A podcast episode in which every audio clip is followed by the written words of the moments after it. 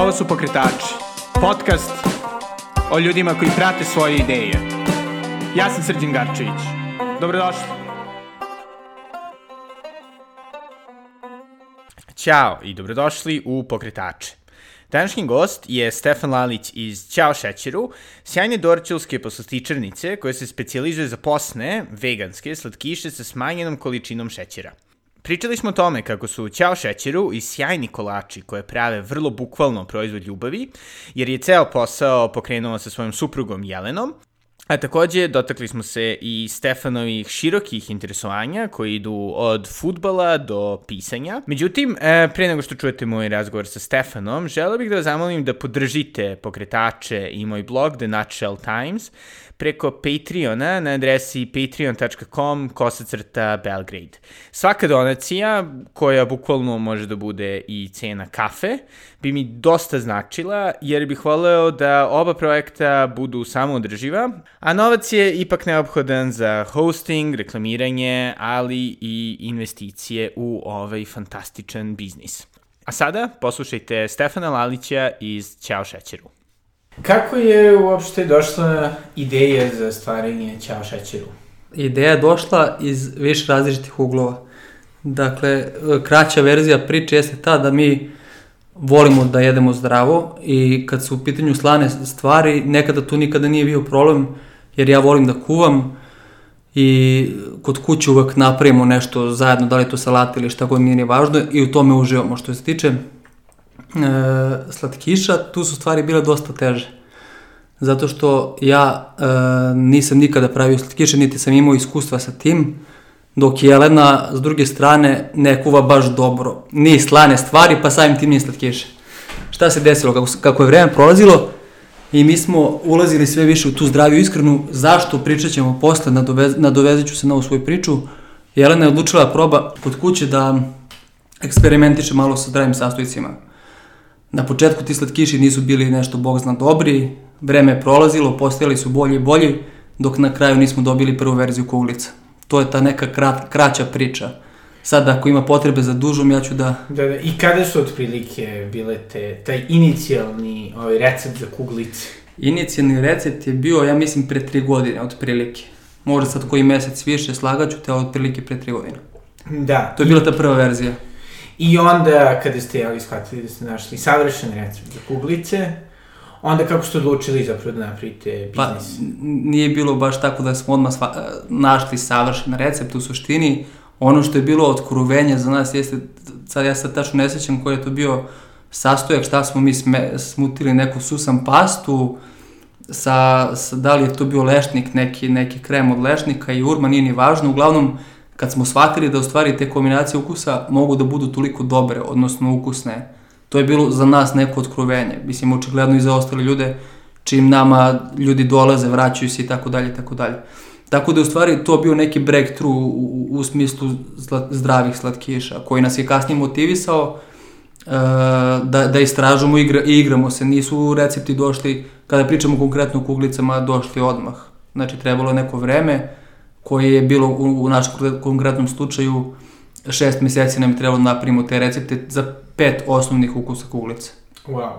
I Da. dobro, i onda, i onda taj, da kažemo, ono, korak ka biznisu, mislim, jednostavno, ne znam, kako, kako ste odlučili zapravo da pokrenete od toga biznis, a ne samo, ono, da uživate uveče. E, to, to, da, da, to je, to je sad ovaj drugi deo priče. U suštini, um, baš je nekako priča isprepletana. Uh, ja sam nekada ranije, kad sam bio mlađi, imao restoran s ocem i jednostavno sam se pronašao kako u preduzetništvu, tako i u gostiteljstvu. Jednostavno, volim da razgovaram s ljudima, volim da, da ugošćam ljude, kao što sam rekao na početku, volim da kuvam, najviše volim da kuvam zato što volim da, da, da nekako usrećem ljude na taj način. To je jedna strana priče, druga strana je da volimo da, da, da jedemo tu nešto zdravo. Treće što ni ona ni ja nismo bili zadovoljni nekim stvarima u, u, u kompanijama kojima smo radili i nekako smo verovali da je naš u stvari neki pun e, kapacitet može doći do izražaja tek u situaciji kada mi otvorimo nešto naše. I kao šta bi to moglo bude, i od uvek je bio to, taj restoran, jer i tu slanu hranu koju smo kod kuće pravili, uvek smo začinjavali nečim specifičnim ili je uvek bila ona neka, neka drugačija tekstura, drugačiji ukusi i uvek je bila strava. Sad ne sećam se kad je došao ovo, jednom prilikom kum, ja sam imao, ne znam, spremao sam neki karfiol i brokoli sa nekim začinima, on je pitao šta ima se jedi, ja sam rekao karfiol i brokoli, brokoli kao, ma nisam gladan, rekao, ma dođi, probaj, nemoj da zezaš, probaj kao pa ovo je strava, tako da taj neki moment uh, se svidio i meni i Jeleni i nekako je bilo logično da kao u trenutku kad smo dobili te prve uh, recept za prve kuglice bez nek, nekako ideje da se upustimo u poslastičarstvo bio logičan korak i vreme, pogodno vreme da kažemo ajde da probamo da imamo šta možemo da uradimo s tim. Da, jel su odradili, ne znam, neko ono, analizu tržišta tada? Jesmo, da, da, da budem iskren, uh, prvo smo razmišljali par meseci jer uh, ja imam tu neku crtu preduzetništva da bi ušao u sve odman onako na jedan bez puno razmišljanja pa šta bude da bude. S druge strane, uh, Jelena je dosta više analitičniji tip, i kao pa polako pa da vidimo vamo tamo, nije to tako lak korak ni mali, treba da se uloži i tako dalje i tako dalje. Tako da smo neko vreme razmišljali šta da radimo. Baš to, istraživali smo tržište, vidimo šta se tu nalazi, postoje kompanije, sad da ih ne nabrajam, nije ni bitno, koje, koje su financijski bile vrlo stabilne na tržištu, koje su počele da već da izbacuju nešto iz, iz, iz linije zdravi slatkiša, pa kako ćemo mi s njima stakmičimo i tako dalje i tako dalje ali jednostavno uh, kada smo odlučili da, da, da ok, idemo, probat ćemo, vodili smo se onim lean startup metodom, to je da uložimo što manje, da napravimo neki MVP, što je tad bilo tih pet ukusa, da izbacimo to na tržište i da vidimo šta će tržište kaže, pa ćemo onda u odnosu na te uh, podatke da vidimo šta ćemo dalje, da li ćemo da idemo jače, da izbacujemo još kuglica ili da širimo asortiman ili ćemo da otvorimo lokal, vidjet ćemo šta će tržište pokazati. Tako da smo nakon šest meseci to i uradili, uh, baš kao što sam ti rekao, pišem knjigu o tome, uh, od početka, od kad smo dobili ideju do sada šta smo sve uradili i kako smo uradili. Mi smo napravili Instagram stranicu i Facebook stranicu i bukvalno sa nekim ono ulaganjem od 100 eura mi smo krenuli. Znači bili su tu prijatelji, uh, kolege koji su u početku to od nas kupovali, kojima se to sviđalo, Oni su nam punili tu neku energiju i pozitivan stav da to što radimo ima smisla i kad su, kad su došle prve uh, prodaje ljudi koje mi ne poznajemo, tad smo shvatili da, da, da od ovoga nešto može da bude. E, nismo imali ni kutije što je baš zanimljivo, bukvalno smo prodavali u kutiji, u kutiji za picu, te prve. Ne znam sad koliko je to trajalo, ne mogu setim, ali prvih par meseci smo nudili, odnosno smo prodavali e, kuglice u kutiji za picu, ali smo i tu našli neki kreativan način da se istaknemo. E, ja se sećam, pošto pišem, inače, e, svakom ko bi poručio, ja, ja, ja sam napravio neku, napisao sam na, na kutiji za picu neku, neku strofu koja se rimovala, eto, kao personalizovano. Aha. Tako da je to bio još jedan moment iznenađenja. Eto, tako da to je bio taj neki početak. Cool, i onda, i onda kako ste odlučili da zapravo otvorite poslastičarnicu i proširite asortiman, pošto ono, kao kuglice, ok, ono, to znate da super ste pravili, ali onda se da pravite izuzetne drugi kolače koji su dosta, dosta kompleksniji. Makar, delo da, mene. Da, e, pa tu, tu dolazi taj čudan deo priče, to je taj što, kao što sam rekao, jeca nije vrstna u kuhinji, niti sam ja za kolače da se razumemo, ne želim da pravim razlike, A, I ovi, ovi kolači su nastali u Excelu. Dakle, i kuglice te koje je ona pravila, ona je pravila to po formulama, pa smo mi to nešto probavali, manje ovoga, više onoga i došli smo do tog recepta za kuglice. Mislim da obo imamo stvarno tu neku mogućnost ili veštinu da osetimo šta je dobro ili, i mnogo volimo da jedemo, možda i zbog toga, sad ne znam, ali, ali očigledno tako se pokazalo. E, još jedan mali uvod kada je, kada je ova konkretna tema u pitanju, jeste ta da mi kad smo radili istraživanje tržišta, postojali su slatkiši bez šećera, ili zdravi slatkiši, bili ih je dosta manje nego sada, ali su postojali. Da, pritom isto veganski, što je. Da, veganski, da, da. Ali oni nisu bili dobri. Za, za, ja pričam po našem nekom kriterijumu. Znači, nisu zadovoljili, zadovoljili apsolutno ni jedan kriterijum koji treba jedan kolač, jer ipak je to kolač, prvo je kolač, a posle nešto zdravo, ukusno, veganski ili šta god. E, tako da smo mi sa tim nekim stavom i odlučnošću, kad smo već rekli ajde ulazimo u ovaj posao, e, se dogovorili da ono što mora, to je da svaki proizvod koji izbacimo nama prvenstveno, onda i ostalima, da bude apsolutno ukusan. I samo taj model tog pravljanja, kreiranja proizvoda smo prebacili prvo na, na torte, onda su došle torte, tada smo još radili od kuće, a onda kasnije na sve druge proizvode. I, I tako radimo i dalje. Znači, dok nešto nije u- apsolutno ukusno, ne izbacujemo ga u prodaju, to je to. I kako zapravo izgleda taj proces ovaj, stvaranja novog proizvoda? Koliko otprilike traje, jel?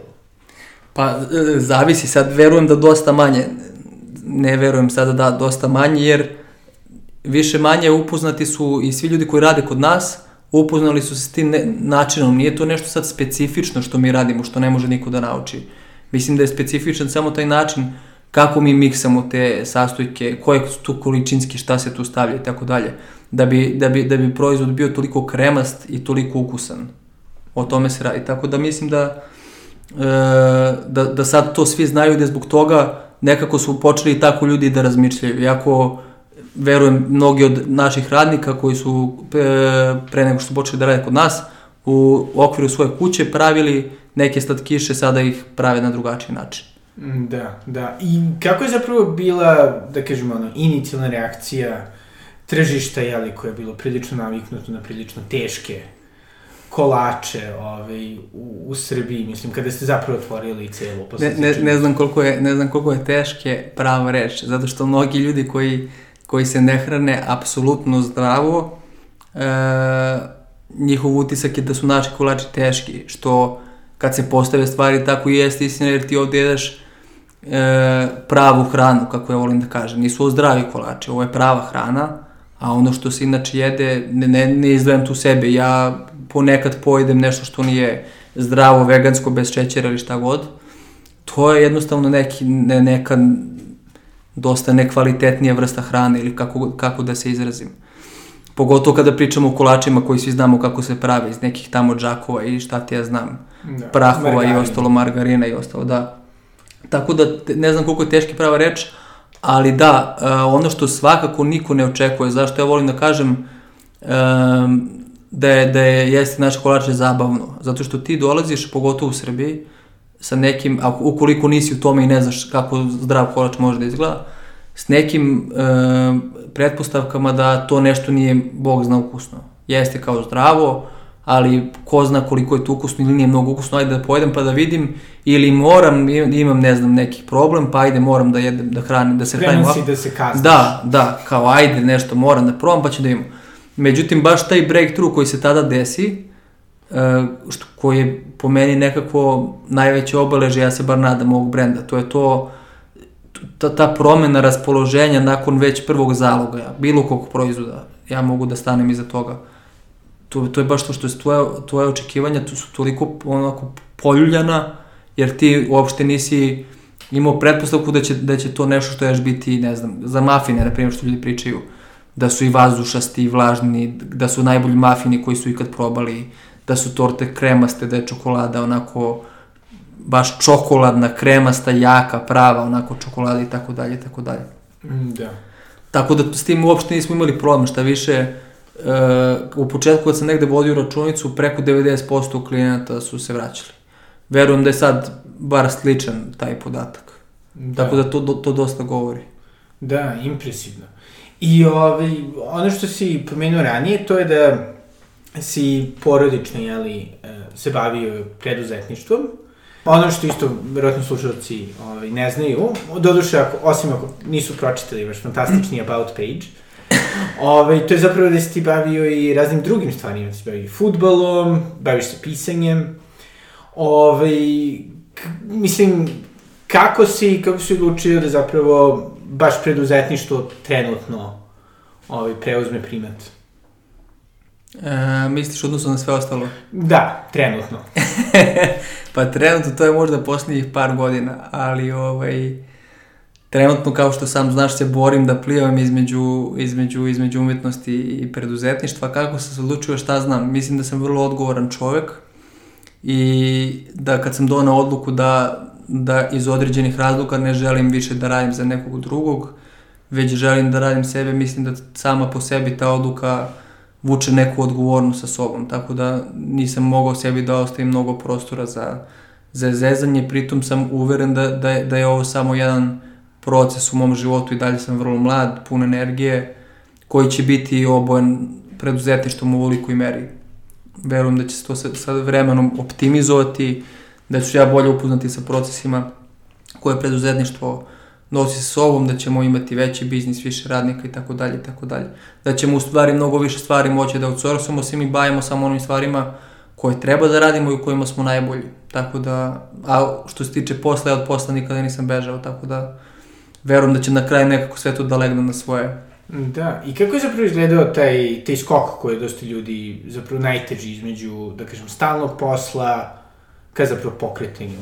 Pa, ja ne, ne znam koliko sam ja merodavan da to odlučim i da kažem, da pričam na tu temu, jer za mene uopšte nije bio težak. Ne mogu kažem u stvari uopšte kad se, se bolje setim kako je bilo, čak i ja koji sam, verujem po svim nekim karakteristikama, apsolutno preduzetnik, ne plašim se rizika, na primjer, i tako dalje, ako propadne šta ima veze, probao sam. Mislim da u životu mnogo razmišljam i onda kad donesem odluku, kakav god nje nisko da bude, uh, ja znam zašto sam tako uradio. Um, tako da ne znam, nije, po meni nije bilo toliko strašno. Da uvek to postoji šta će da bude s ovim, da li će od ovoga moći se živi ili šta god, ali ne znam, ako, ako to, što, ako veruješ to što radiš, ako ono u mom slučaju ima smisla nekog, a meni ovaj e, posao pruža apsolutno, e, apsolutni smisao na par različitih polja, u smislu da smo inovativni u, u Beogradu, što je meni vrlo važno, znači pomeramo neke granice, što je u pitanju neko zdravlje, neka zdrava priča, ja ako nisam, ne znam, ja tip osobe koje se 100% apsolutno hrane zdravo i ne znam, ja ništa ne radi, ne popije čašicu rakije i tako dalje, tako dalje, nisam, ali mi je zdravlje kao tema vrlo važna na svim aspektima.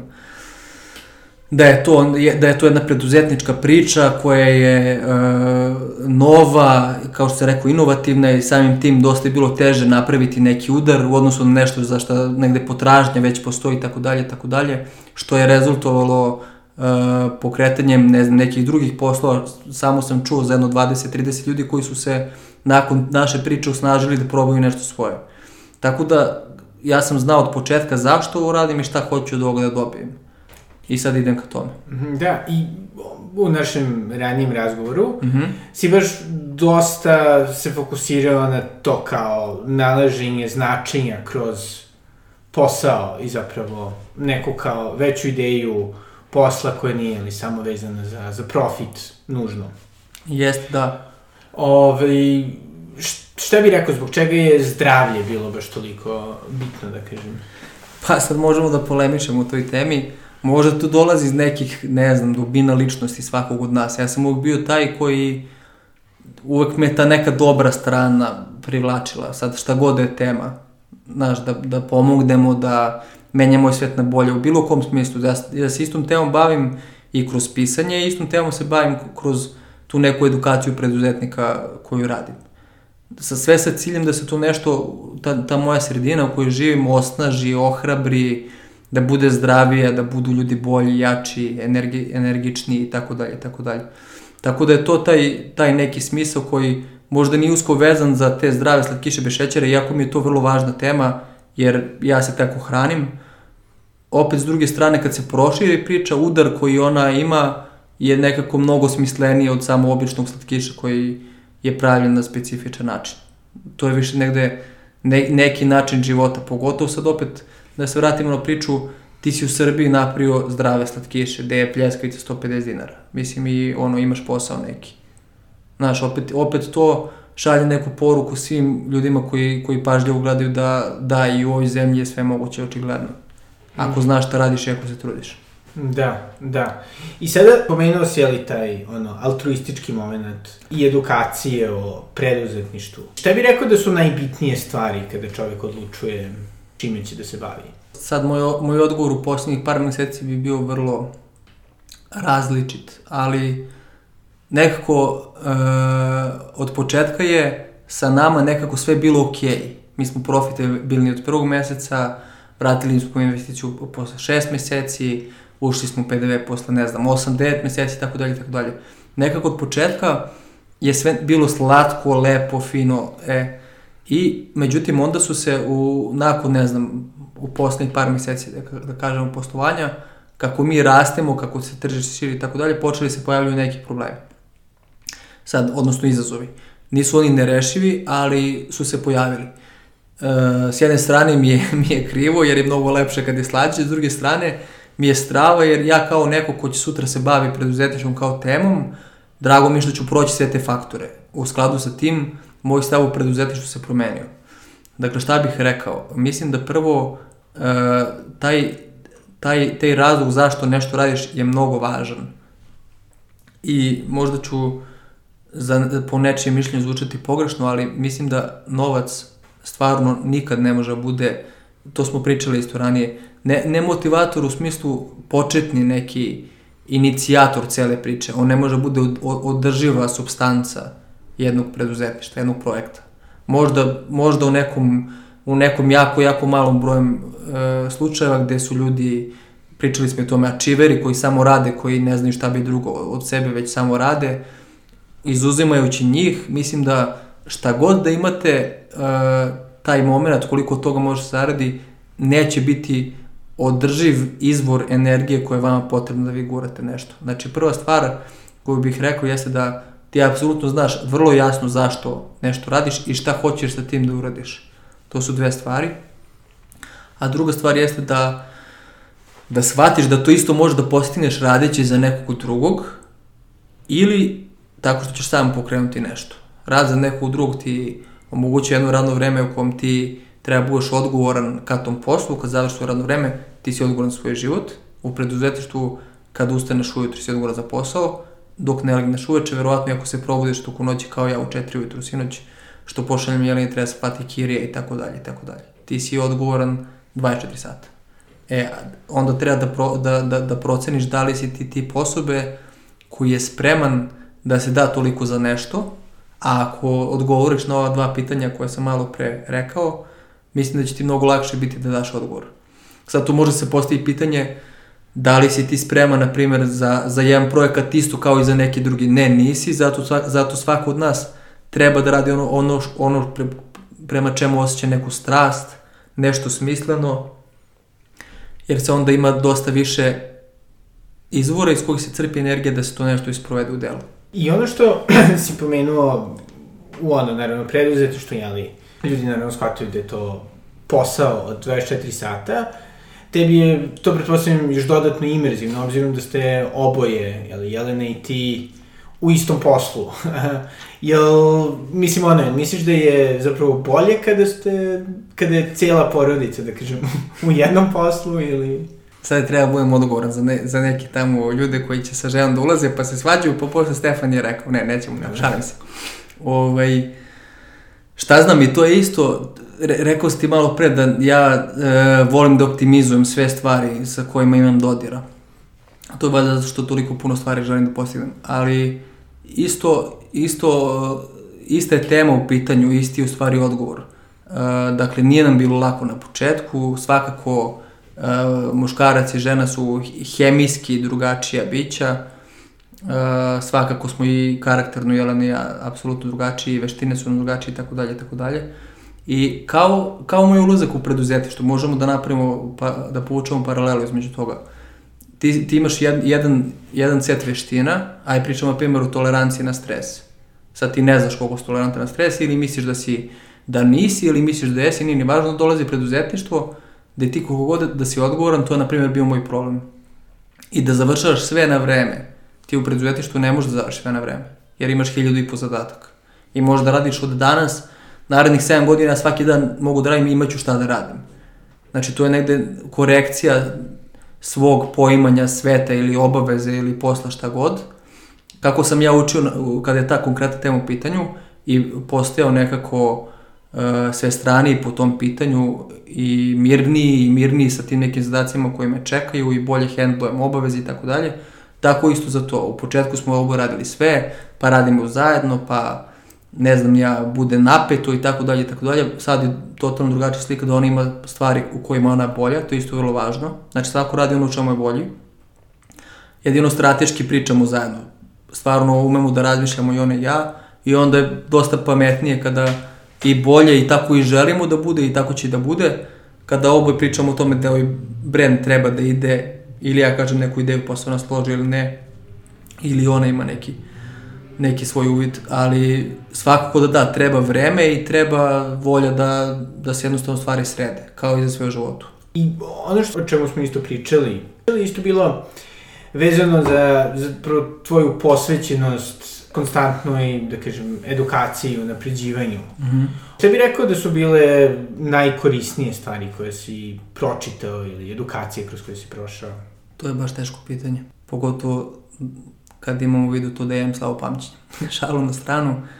Definitivno sad ajde, posmatramo mene kao skroz široko, kao jednu osobu koja je zaljubljena u biznis i marketing. E, rekao bi da, da je to za mene bio taj neki copywriting kurs koji sam, na koji sam išao na početku moje karijere pre možda sad se više nesi, pre pet godina. Koji mi je nekako e, dao totalno široku sliku o, o, o, i o marketingu i o copywritingu i na neki način o biznisu i prodaji. To je za mene, to je ono što ja pamtim kao nešto najkorisnije što, što mi se desilo. S druge strane, mislim da nema nešto što bih posebno izdvojio uh, dok sam ja radio u agencijama, radio sam sa ljudima koji imaju različite veštine. Ja verujem da dosta brzo učim. I pričali smo i o tome. Postoje stvari koje su mi jasne na ovom svetu i postoje stvari koje mi nisu jasne. Futbal, na primjer, jako sam ga igrao, i dalje mi strateški nije baš na jasni, ne znam kakav bi ja trener bio, verovatno ne mnogo dobar. S druge strane, biznis mi je apsolutno jasan, marketing, sve razumem i nešto što ne znam, kada bi mi neko objasnio, razumeo bi zašto se tako radi. I sve mi je logično. I onda sam ja tako pronalazio nekako prečice da ja dosta brzo učim i usvajam. Tako da svi ljudi koji su nekako bili deo tog nekog mog poslovnog okruženja, kroz stvari koje sam čitao, učio, su mi dosta značile kada je celokupno nekako uh, biznis kao tema u pitanju. Pa onda marketing, pa onda sve ostalo. Mm, da, da. A mislim, zanimljivo što si pomenuo taj copywriting kurs, zato što ljudi dosta često smatraju da, se, da je to gotovo isključivo ono, komunikacija. Koji si to u video biznisu, mislim, osjećaš da, da kao ljudi nekako ne vide kada shvate u vrednost komunikacije? Znaš, ono, ljudi samo misle da je to ono kao fino napišeš ne, ne, aha, reklamu i to je to. Ne, ne, uh, pa da je tako mislim da bi svi bili copywriteri, a da čak ni ja sebe ne smatram nekim sada vrstnim copywriterom koji bi na svaki mogući zadatak mogao da odgovori apsolutno dobro. Postoje ljudi koji se tom oblašću pave 20 godina, izučavaju i imaju mnogo više iskustva od mene.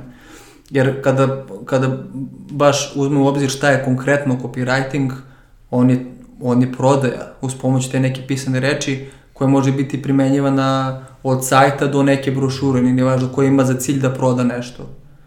Tako da tu svakako ima i e, jednog talenta za pisanje, jedne poznavanje psihologije čoveka, jedne analize, e, jednog znanja iz marketinga, pogotovo iz tog i copywritinga, kako se to, to piše, pa neka struktura i tako dalje, šta se radi, kad se poziva na akciju, kad se šta nudi te tehnike marketinške. Mm. Tako da to ne može biti posmatrano kao ja super pišem i, i razumem Instagram i Facebook, ja sam copywriter. Jeli, kako smo, sada malkice se dotakli pisanja, ovaj, ti isto pišeš. Kako nalaziš uopšte vreme i ono, inspiraciju? Ovo je bolno pitanje zato što, zato što do skoro to vreme nije postojalo. Ovaj, ili kako sam ulazio u, u, u preduzetništvo, vremenom sam shvatio da nemam vremena da pišem roman, a imao sam dosta ideja, jer roman ipak zahteva neko vreme i posvećenost, pa sam počeo pišem kratke priče, inače ranije sam pisao poeziju, tako da mi je to došlo normalno, neki, neki taj prelazak.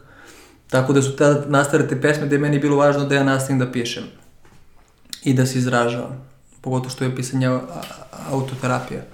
Uh, dok s druge strane, pre par meseci, kako sam rekao, uh, bio je jako težak period meni lično postu i privatno i svašta se nešto spojilo. Trebao je Merkur da izađe iz te neke sredne kuće, očigledno nije izašao, ali, ovaj, ali meni se tu nešto svašta desilo i, i u tom nekom, jednostavno, ne znam, ono, burnoutu ili kako da se kaže, uh, ja sam shvatio da ne mogu više da odlažem ovu knjigu, pričali smo o njoj, jer verujem da je vrlo važna i ne samo za mene, nego je, verujem da je važna da za svet, za ljude u mojoj okolini da je pročitaju jer, jer obrađuju neke vrlo važne teme. I ja sam rekao, ok, služio sam se tom nekom strategijom malih koraka, je to sad dolazi neko kako se isprepletano, to neko moje znanje iz svega, mislim, nije, nije, to znanje apsolutno, ali ne znam, iz, psihologije, e, tih nekih treninga ili life coachinga ili kako god da se zove, nije sad ni važno, vođenja sebe, to je meni neko poznavanje sebe i, i vođenje sebe, gde sam, kre, gde sam rekao, ok, ajde postiću nek, nek, neke male ciljeve koje mogu da, da ostvarim, samo da krenem ovo da radim. Jer mi je očigledno potrebno. Ja sam krenuo pre dva, tri meseca pišem i eto, već sam uspio da nađem već vremenu neki ritam, nisam odustajao i eto, druga glava gotova. impresivno, impresivno. Ove, I dobro sada kako smo se bavili, ono, relativno teškim temama. Mm -hmm. Šta je zapravo najsleđe u Ćao šećeru? Kada već nema, jel, šećer? Pa, da, pored Jelene, ne, ne, nemam šta drugo da kažem, sad stvarno će zvučati kao kliše, ali to su ljudi. To su ljudi koji, evo sad, sad se desilo jučer na Instagramu sam video, izbacili smo neki post i neko je pitao da li, radi, da li radite nedelj, nedeljom, onda je neki drugi, naš prijatelj, ne volim da ih zovem fanovi, naš prijatelj odgovorio, ne rade nedeljom, rade svaku, svih ostalih šest dana u nedelji, o, ovi divni ljudi zaslužuju nedelju da, da im to bude odmor. I onda je odgovorila žena, ok, hvala na informacijama, super sve. Tako da jednostavno to neko prepoznavanje, to možda je to prava reč, da to što mi radimo ima nekog smisla, da to nešto što mi radimo nije, nije mnogo lako, da to što mi radimo inovativno, da je kreativno, da je dobro za, za, za okruženje, za ovu sredinu, da je dobro za njih na kraju, da, da, da ima vrednost To je to. I što je jedna žena počela plače kad je probala namazanka. Stvarno? Sa majke mi. ona je rekla... Od sreće. Da, ona je, ja sam tad bio u lokalu, ona je probala, ne sećam se šta je neku tortu, nije ni važno. I ja kao i kako je, pošto meni je vrlo važno da ljudi kažu, da, da čujem to hiljadu puta, da je super, ja ću da čujem još do kraja života, ću da slušam kako je fantastično. I to je ono što meni daje neko gori, ok, kao pomirili smo ta očekivanja, proširili smo tu neku osobu koja će dalje da nastavi to neko širenje i tako dalje, poslali smo neku poruku. I ona kao, pa dobro, dobra je torta, kao ok, baš je kao super, a eto i to, je kao, pa niste oduševljeni. Ona kao, pa ne, kao ok, super. Jer ako čekajte samo sekund da donesem nešto probati, ja odem po namazanka, vratim se, ona uzima namazanka i kreću suze. I ja kao, ona kao, jao, ja sam, Ja sam ceo život tražila nešto zdravo, nešto ovakvog ukusa, ja ne mogu da verujem da sam našla, vi ste, ja rekao ste dobro, šta je sad, čemu se radi, vi ste sub ovaj da vas dajte odmah pet komada, ne znam ja šta je tamo rekla, koliko je kupila, šta je, kako se već to završilo. Uglavnom, stvarno je počela plaćati. To se desio jedini put, ja ću kroz šalu reći da se to dešava, ne dešava se, to se, tad, tad se desio jedini put, ali jako su ljudi generalno oduševljeni na bazanku koji je naš najbolji proizvod. Da. Ali eto to, ne, ne možeš da ostaneš nekako imun na, na, na, na, na takvu neku akciju. Da i moja ovaj, veganska ekipa isto par puta pomenula kako su, kako imate fantastične palačinke. Jesu, baš su dobri. Ovi, da, tako da ću to morati. Pogotovo sada kako se ali približava post, pa onda. da. I sad, Stefane, šta bi zapravo savjetovao nekome ko želi da se bavi preduzetništvom? Da razmišlja. Šta bi rekao, da?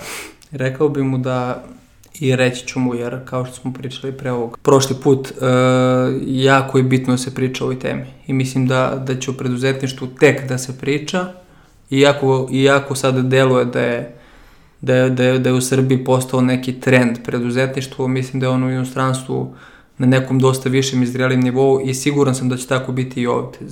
Jednostavno zbog mogućnosti i ekonomije koja, koja se oporavlja, čini mi se. u suštini, u odnosu na to, bez obzira na sve te variable, ti ćeš nekako uvek biti faktor, odlučujući faktor. Da li će to nešto da zaživi ili ne.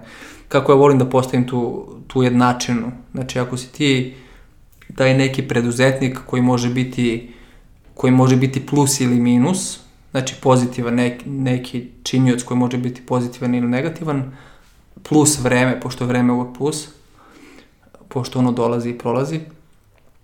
Ako si ti pozitivan, plus vreme, to jednako može biti samo plus, ne može biti minus. Šta to znači? To znači da ako ti prošao si tu neku osnovu, znaš zašto nešto radiš, znaš šta hoćeš da uradiš i da nemaš pojma kako ćeš to da uradiš. Kao što ja nisam imao pojma ništa o marketingu pre 5-6 godina kad sam ulazio, pa sam uzo sve knjige svih fakulteta koje sam mogu da nađem i pročitao, jer me interesovalo, znao sam zašto to radim. Tako i ti možda naučiš šta god, te, znači od, ne znam, knjigovodstva do zakona i marketinga ili nešto što ne znaš da platiš, pa i ako nemaš pare ti ćeš da se snađeš, radit ćeš nešto drugo, uglavnom naći ćeš način sigurno, ako želiš. Ako ne želiš, ima, ima 100.000 razloga zašto ti to nećeš želiti, možda da ih nađeš vrlo dobro. Tako da, opet bi prvo rekao, mislim da e, mnogo, mnogo, mnogo je teže nego što se priča, stvarno je izuzetno teško i odražava se i na porodicu i na socijalan život i na odnos sa samim sobom koji svi imamo i traži od tebe više i stalno traži više koliko god ti da daš i s obzirom da je sve to već tako, bilo bi glupo i nerazumno ulaziti brzopleto. S druge strane, ne, neću da moja poruka bude ne, nemojte da ulazite u preduzetništvo. Apsolutno je drugačije od toga. Da, volao bi da svi postanemo preduzetnici, jer bi se onda taj besmisleni moment koji, koji se zove 9 do 5, mislim da bi prestao postoji. Mislim da bi ljudi oživeli, koliko god to možda bila neprikladna reč, ali tako bi bilo siguran sam, jer bi dobili, osjetili bi smisao, osim što im prvog stigne određena suma na, na, na račun. Ali da bi to sve već bilo tako, kao što se rekao, treba da znaju šta rade. Kad znaju zašto i šta hoće da urade, i da je glupa ideja i da je neodrživ biznis plan i da se tržište promeni, uvek mogu da pivotiraju, da promene biznis model, da se prilagode tržištu, da budu inovativni i, i hiljadu nekih načina kako ta, tu neku ideju da promene, unaprede ili ožive. To, eto, mi smo pokazati. Da. I, I sada, jeli, za kraj, zašto treba da kažemo ćao šećeru, to stoje, s Bogom šećeru? Zato što je ćao šećeru mnogo više od izbora šta ćemo da jedemo. Ćao šećeru je odgovornost koja je pokazatelj neke zrelosti ili šire svesti koju smo spremni da, da uzmemo prvenstveno prema nama, a onda i prema svemu ostalom. I ćao šećeru ne treba da se kaže, on treba da se živi. A da bi ti živeo nešto što znaš da treba da živiš, tebi treba jak karakter, što je i naš moto. Tako da sve to zajedno jeste ćao šećeru. Da, hvala puno. Hvala što si me pozvao. Želim ti puno sreće s ovim projektom i eto, pozivam sve ljude koji su nas poslušali da daju svoje mišljenje. I to je bio Stefan Lanić iz Ćao šećeru. Ja ih zaista je obožavam, pogotovo jer mi pomažu da prebrodim dane kada postim. Tako da ako budete hteli da se nagradite nečim slatkim za Svetog Nikolu ili Badnji dan, svakako znate gde da idete. A za sam kraj, želim da se zahvalim svojim sjajnim mecenama sa Patreona. Bez vas, dragi moje mecene, pokretači i The Natural Time svakako ne bi uspeli da preguraju ovu godinu, ali ni da rastu. A vi ostali, ako želite da se pridružite ovim sjajnim, darežljivim ljudima, molim vas da donirate koliko god mislite da treba preko Patreona na adresi patreon.com kosacrta Belgrade. Do sledećeg slušanja, doviđenja.